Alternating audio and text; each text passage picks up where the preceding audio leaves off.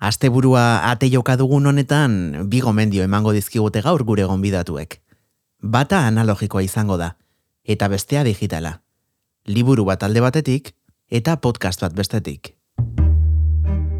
Ispilu beltza, asier rastirekin.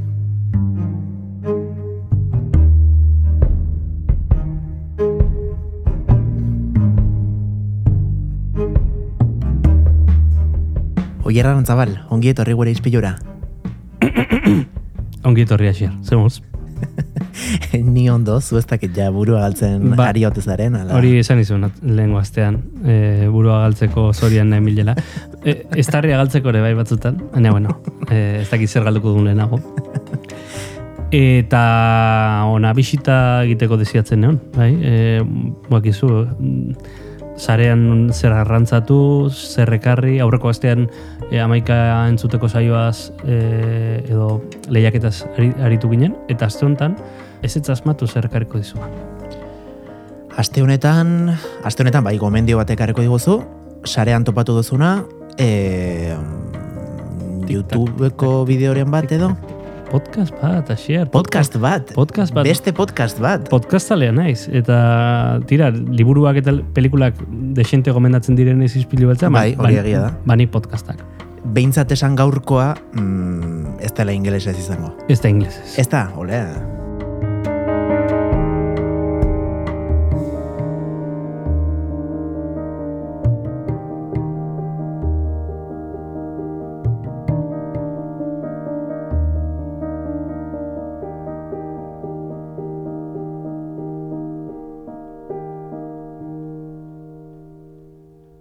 Em, ez bada ingelesez, podcasta oso nahi izan beharko du. Ze zure, mm, bueno, estilo amerikar hortatik urruntzeko, eta ez dakit zein hizkuntzata, baina Mhm. bertatik urruti xamar dagoen eh, podcast bat eh, gomendatzeko, ona izan beharko du. Ez ezagun flipatu, ez ezagun flipatu, asier. Podcast oso da.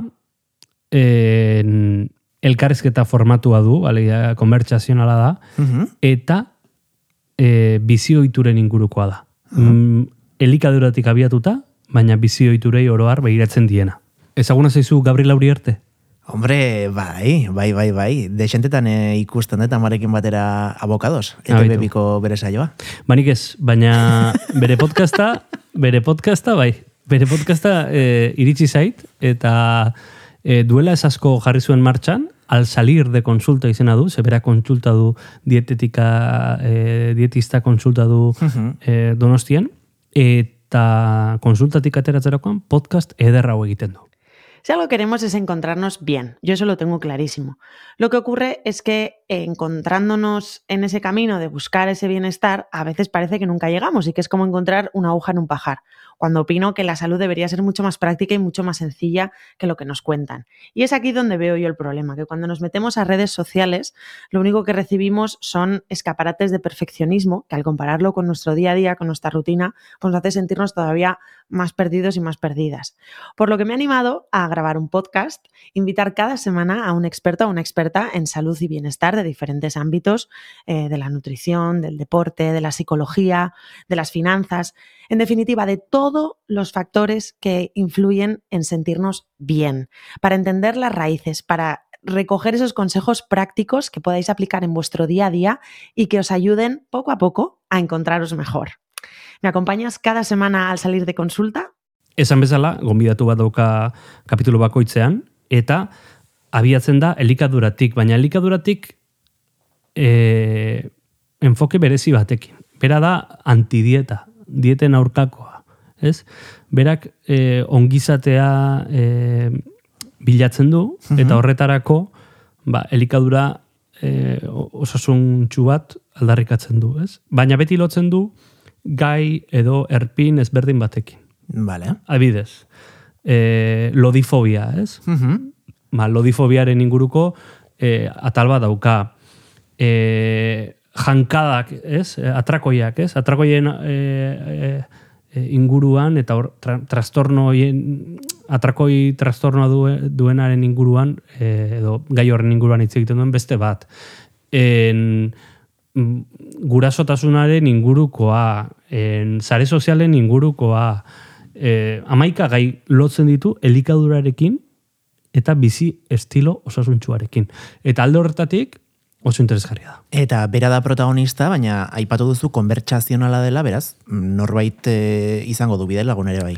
Bai, atal bakoitzean gonbidatu badauka, normalean aditua, normalean e, bueno, danetarik ez, e, Latinoamerikatik, e, e, bueno, Ego Amerikatik hobeto esan da, e, mm, Espainia arrestatutik, e, bueno, hainbat lekutatik, gonbidatu bat ekartzen du, zer kontatua, zer esana daukana, gaio jakin baten inguruan.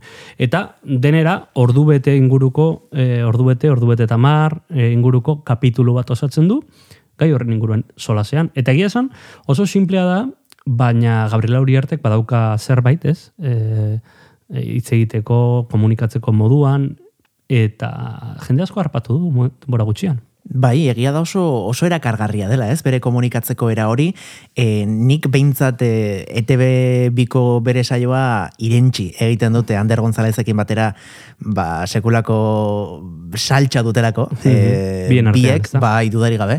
Eta kasu honetan, e, ez dakitena da, berak, e, bueno, ba, gonbidatu moduan ekartzen dituen pertsona horiekin ere, e, bueno, ba, imaginatzen dute saltxera paperari izango duela, ez? Oso freskoa da bera, naturala, mm, imaginatzen dute mm, oso teknikoa ere ez dela izango, ez?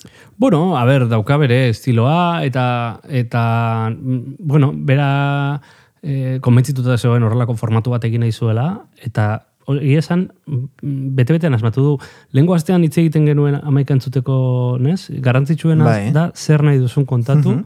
eta zure gaia izatea, ez? Eta hemen bete-betean ematen ditu bi horietan. Eta horregatik oso interesantea da. E, bitu, entzuleari gomendatuko diogu kapitulu bat.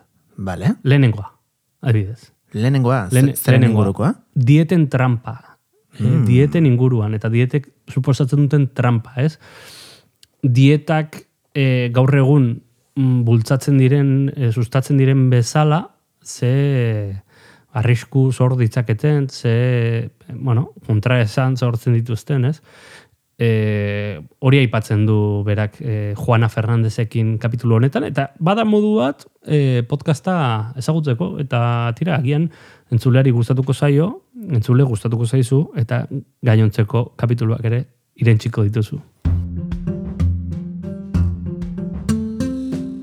Al salir de consulta, beraz, eh, gaur Roger Arantzabalek eh, komendatzen digun podcasta, mm, Gabriela ere sare sozialetan jarretu nahi baduzue, nik ezagutzen dut abildua gu nutrizion moduan. Hori da, hori da bere, bere Instagrameko kontua, eta bertan gauza interesgarri asko argitaratzen ditu, mendik gomendatu, eta tira, ba, podcasta gustatzen bazaizu, ni ere pozik, nik eh, esan izun nasier, zaiatuko naizela denbora bat dedikatzea merezi duten gauzak ekartzen da. Nik uste dut honek, mm, mesede egingo digula. Osasun aldetik ere bai. Dudari gabe, jakintza askatasuna da. Eskerrik asko jar. Agur? Ispilu beltza podcasta entzun gai duzu Spotify, Apple Podcast, Google Podcast eta beste hainbat audio plataformatan.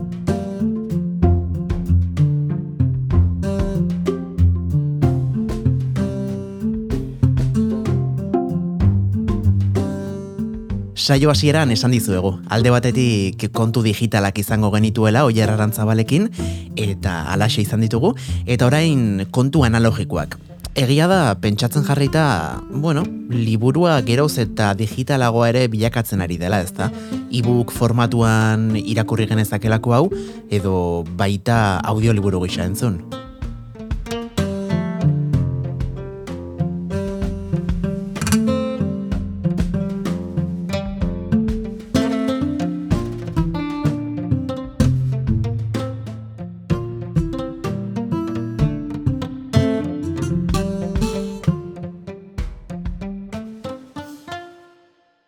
Miguel Harina, ongi etorri gure izpilura.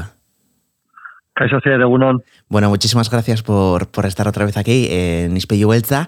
Hoy, Miguel, nos traes una propuesta diferente, ¿no? A todas las demás. Mm, ¿Podríamos decir que hoy vamos a hablar, o que nos vas a traer un trabajo que habla un poquito de metaliteratura?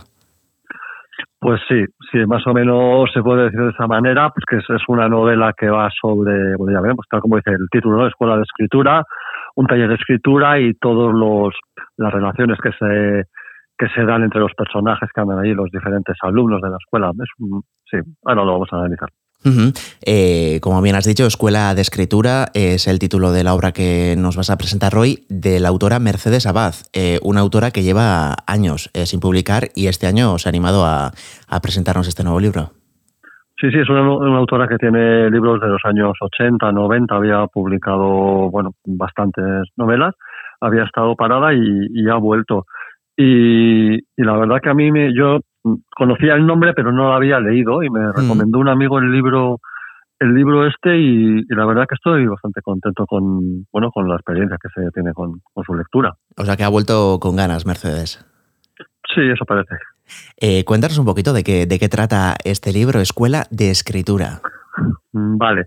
Es una novela, en principio puede parecer una novela menor, no es lo que se dice un, novelón, una novela relativamente breve, no, no llega a las 200 páginas, pero bueno, la autora es una mujer que está en el mundo de, la escritura, de la literatura durante un montón de años y juega un poco con eso, con los conocimientos que ha podido tener. Eh, como dice el título, es un lo que puede surgir de un taller de escritura, pero yo creo que ella aprovecha para hablar de un montón de, temas que le, que interesan sobre este, sobre este mundo. Si es cierto, no es, no es una novela de tesis, no es una novela que quiere enseñarnos nada ni demostrar, es pues un, juego literario que yo creo que, está bastante bien. Mm, entendemos que, que, bueno, en lo que podemos leer en estas hojas es ficción, es todo inventado, o tú crees que tiene mucho de verdad, mucho de, ella misma a lo mejor, de Mercedes Abad. Sí, yo, a ver, el, el personaje, la novela está escrita en primera persona. Y a veces primera persona es la propia autora, además coincide que es pues una persona igual que ella, una mujer que lleva un taller de escritura, que ella, Mercedes Amar, también lleva talleres de escritura mm. hace bastante tiempo. Y entonces yo creo que eh, toma como, como excusa esa posibilidad, esa, esa existencia de una escuela para, para poder empezar a jugar ya literariamente. Eh, lo hace bien porque te va atrapando, empieza el el argumento, bueno, pues por lo que se puede contar, no voy a contarlo todo, evidentemente, pues es uno de los personajes de su taller, que luego veremos más adelante, pues más o menos cada uno de ellos, estaba escribiendo una novela, una mujer, y pues se muere, fallece. Entonces, la protagonista, que es la, jefa del taller, pues entra en la duda de si eh, coge ella la novela que le gustaba bastante de la, la que había hecho su alumna y la publica decide publicarla o no, porque ella con sus propias novelas estaba, digamos, de capa caída. O sea, había publicado al principio, pero... Entonces empezamos a jugar con ese argumento, si lo tengo que si lo tengo que publicar, si no, si será plagio, si no será plagio, y entre medio, con bastante ironía, con bastante juego, están el resto de alumnos del taller que saben, que saben de esa posibilidad. Y cada uno pues tiene su punto de vista, sus opciones y, entonces ahí, ahí se inicia el juego, el juego literario que, te va enredando. Eh, en la sinopsis bueno, es una sinopsis para empezar mm, bastante diferente al, resto de, los que podemos leer. Eh, empieza la sinopsis con tres, cuatro preguntas. Eh, dice así, ¿hasta dónde sería capaz de llegar con tal de sorprender al mundo con una obra maestra? ¿Qué llegarías a hacer para que reconozcan tu talento genial? ¿Dónde acaba la pasión por la literatura y dónde empieza la loca ambición, la loca ambición y la simple vanidad? Em, un poco, ¿no? Em, está en esa dicotomía entre ser alguien, ¿no? Entre publicar sí o sí, eh, tener éxito, y la otra parte de ser una buena escritora. Claro, e-, ella juega también con, con el mundo que rodea a todo, a cualquier persona que, quiere, que escribe, que quiere publicar, que hay muchísima gente que escribe y no publica, etcétera, etcétera. Entonces, eh, yo que quiero realmente escribir bien, quiero publicar, quiero ser famoso, eh, luego también cada uno tiene su, su forma de, entender la literatura, el mundo y lo que quiere ser. Eh, respecto a esto, claro, ella juega muy, muy bien con los diferentes personajes, los diferentes alumnos de la escuela, a los que pone diferentes, diferentes nombres así en clave para ella, ¿no? Uno lo llama Madame T, a otro Mr. X, a otra Maribondad. Entonces, juega y cada uno en, en, el libro va apareciendo así, bueno, en unos diálogos, así que en el taller, eh, cómo escribe cada uno. Ella les hace escribir cada semana unas páginas y las van analizando y las van leyendo. Entonces, eh, así, o sea, digo, no es una novela de tesis ni es una novela pesada, es, es divertida, es entretenida, pero se va viendo eh, cada uno de qué manera escribe, cómo se entiende. Hay un ejemplo muy claro, hay, hay un, un personaje, el, el Mr. X este, que es un hombre serio, formal, que escribe, se dedica a ello muy bien, muy profundo, muy correcto, muy tal, pero se ve que no atrae. Es una literatura, pues que, que bueno, suele suceder a veces, que hay libros que objetivamente, objetivamente si eso existiera, ¿no? Están bien escritos. Sí. pero lo empiezas a leer y no, no te atrapa, no te atrapa, te aburre y te da ganas de dejarlo. Y luego hay libros, hay otro personaje que, que no sabe escribir bien, que le falla la sintaxis, que le falla, le falla la escritura y, y, en, y en la técnica, pero sus libros tienen vida, tienen vida, eh, te atrae el personaje, te atrae la historia. Entonces, eso también es una dicotomía que hay en la, en la literatura, ¿no? Lo de la gran literatura, la literatura pequeña, etcétera, etcétera. Y claro, y, y va enredando el, el juego este de, de tipos de literatura con los autores, con los personajes. Y, y, pero claro, digo, ya lo digo, todo de una manera muy, muy amena, muy, muy agradable, o sea, una novela que se lee, se lee a gusto. Ah, mira, es un poco como lo que se comenta de los profesores, ¿no? Que hay profesores que, que son auténticos genios, eh, que son eh, una, una, caja de conocimientos, pero que luego no saben conectar con, con los alumnos, ¿no? Eh, como sería en este caso la del personaje de Mr. X, y luego hay otros que sabrán mmm, y saben mucho menos, pero que, que con eso que saben llegan a, a, los corazones de todos. Y en este caso, encima, me parece muy, muy interesante cómo la propia autora, siendo ella eh, profesora ¿no? de talleres de escritura, ella habrá vivido en sus propias carnes todas estas realidades, me imagino. Claro, lo que yo no sé hasta qué punto son casos reales, pero bueno, es una seguro que es una adaptación de, de cosas que le han sucedido mm. a ella con diferentes personajes y va montando porque, porque esto funciona así. Y lo bueno que ella también eh, juega con bastante ironía. Ella dentro de la novela se siente atrapada en un círculo de bueno de personajes entre la pareja de la que había muerto, otros personajes, le enredan a ella en una especie de cotilleo alrededor de los la verdad que está incluida y todo con bastante bastante ironía y un sentido del humor, así un, un humor como trágico, ¿no? Como eh, voy a hacer de esto un drama, pero es una cosa que tampoco es para tanto, es decir, eh, la literatura eh, hasta qué punto es tan importante o, uh -huh. o, no, ¿no?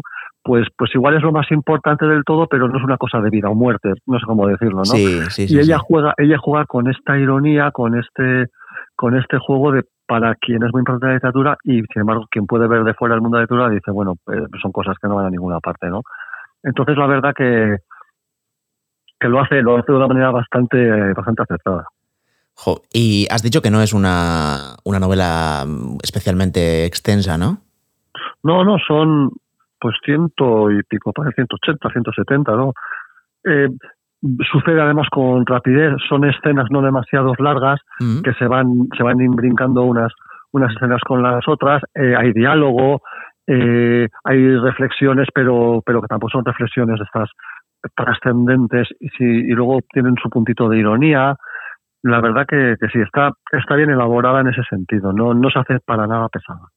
Eh, ¿Se la recomendarías a cualquier persona o en especial le puede gustar a gente que, que es muy, muy fan de, de, la literatura? No, yo creo que esta novela la puede leer eh, cualquier persona, independientemente de que, si te gusta el mundo de la literatura, pues se mete con los editores, se mete con algún tipo de escritor, pero no deja de ser, son, son detalles, o sea, pinceladas que va dando la novela. No es la novela, no es la novela sobre eso. Ajá. Entonces, es una novela que si la puede leer, yo creo que, que cualquier persona que lea habitualmente, sin ningún problema. Y tampoco es una novela, digamos, de género, no es una novela de ciencia ficción, de, es una novela bastante mmm, a nivel de calle, digamos, que cualquiera puede entender. Son personajes de situaciones normales que, partiendo de una realidad habitual, una realidad cotidiana, pues luego crea su trama con su puntito de intriga que, bueno, ya, ya lo verá quien la lea. Eh, aquí es verdad que en Espillo Vuelta, bueno, os traemos todos los jueves y viernes eh, a nuestro programa y, y siempre hablamos de, del público adulto, pero es verdad que, bueno, mm, entre las niñas y los niños, eh, cada uno es un mundo, cada uno tiene su, su propio nivel de lectura, su, su, nivel de comprensión, pero hay muchos aitas y muchas amas que nos escuchan y, y a lo mejor mm, más de uno estará pensando, ostras, pues a mi hijo le encanta escribir, le encanta eh, todo este mundo. Eh, no sé más o menos, así generalizando, mm, ¿a partir de cuántos años eh, crees que, que bueno, que podría ser eh, apta este, este libro para, Sí, para recomendar. Esta no- novela para gente joven que lea, tranquilamente con 15, 16 años la pueden tomar. Claro, el problema es, y yo que tengo hijos adolescentes, es que cuesta eh, introducirlos en el mundo de la lectura. Mm. Entonces, eh, claro, no se les puede obligar, ¿no? Y, y como decía Saramago, ¿no? Eh, tampoco voy a obligar a alguien a, a hacer algo fantástico que se lo pase bien y disfrute, ¿no? Es una pena, pero por ejemplo son, son libros estos que sí que los puede estar a- al alcance de cualquier cualquier joven que, lea habitualmente. sí. Pues mira, Miguel, eh, hace casualidad, un par de semanas eh, tuvimos aquí a, a José Vergara, eh, que imparte desde hace 7, 8 años el curso de narrativa breve en Donostia Cultura, y nos comentaba que, que él no es profesor, pero es profesor de, ya gente adulta, gente que le interesa escribir, que gente que, que lee muchísimo. Y, últimamente ¿no? no hay más que leer en las noticias, escuchar en varios podcasts, en internet, en todos los lados, cómo, cómo se está comentando ¿no? esa preocupación eh, sobre cómo bueno, las nuevas generaciones están despegando completamente de la lectura y más concretamente de la literatura. Eh, ¿Tú cómo lo vives? Sí, yo, yo que soy de letras, yo he estudiado letras también, eh, siendo una cosa que, que yo veo al- a nuestra generación, bueno, mi, mi grupo de amigos en su momento, ¿no? Sí. Que nos dio a todos por leer y, y cuando nos pasábamos los libros, nos comentábamos autores, y la verdad que, que era, un, era un disfrute para nosotros. Yo veo que me da pena que se lo están perdiendo, pero también entiendo que tienen tantísimas distracciones de otro tipo que, que bueno, que, que es- les están llevando a ese punto. Y también a mí me preocupa, me preocupa también el punto de que eh, cuando tú lees un libro necesitas un tiempo de reflexión, de lectura, de, de Mm. atención. Y estamos llegando al mundo de la atención de 10 segundos, que suelo comentar, ¿no? Sí. son 10 segundos de, de pasar de pasar pantallas de en el móvil y entonces claro eso yo no sé hasta qué punto va a afectar al, a la capacidad de razonamiento a la capacidad de inteligencia porque no estamos dando el tiempo necesario para el pensamiento entonces la, la lectura también tiene ese punto el coger un libro que necesitas unas cuantas horas para leerlo te da otro otro reposo que no es la, la inmediatez y la rapidez de, de la información express no y yo no sé hasta qué punto, yo no soy psicólogo, pero no sé hasta qué punto a nivel mental o neuronal puede, puede afectar de aquí al futuro. Y a mí sí que me, sí que me preocupa también. Tú encima has comentado que eres Aita y encima eres bibliotecario. Eh, entre los compañeros, ¿cómo, bueno, ¿cómo se está afectando todo esto? ¿Cómo- ¿Estáis viendo una gran diferencia, vosotros que lleváis años eh, dentro de las libroteguis, eh, la cantidad de, a, a lo mejor, adolescentes que, que iban antes y que van ahora? Sí, yo, yo lo que veo, y nosotros nos solemos comentar siempre en, en la, yo estoy en la biblioteca central, en la biblioteca. Museum. Y claro, es, es, sociológicamente es una zona de gente mayor. Sí, eso es verdad. pilla el centro de Donosti, pilla lo viejo, entonces ahí no, no hay familias jóvenes con niños como puede ser en barrios como, no lo sé en este momento, pues como Insaurrondo, como Alfa, etcétera, ¿no? Sí. Eh, entonces, claro, eh, ahí la sociología no es de gente mayor y son lectores en su, en su mayor porcentaje, en un porcentaje altísimo, gente mayor y ya buscan saber a lo que vienen. Y no hay adolescentes. Yo cuando de repente viene un adolescente y se lleva un libro de, de Onetti o de García Márquez, me, casi me emociono, ¿no? Porque es, es, es raro, ¿no? Sí. Entonces, pero, pero ya digo, en, en la biblioteca, o sea, por lo menos es, es poco visto, sí. Y, y a mí sí me parece preocupante.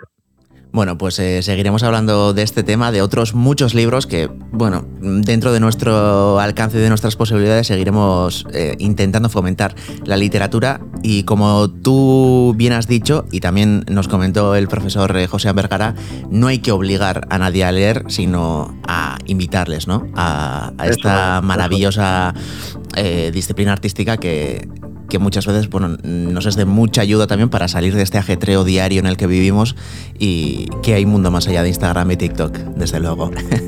bueno, pues lo dicho Miguel, espero tenerte aquí de vuelta pronto y nada, que tengas un buen fin de semana. Igualmente y hasta la próxima.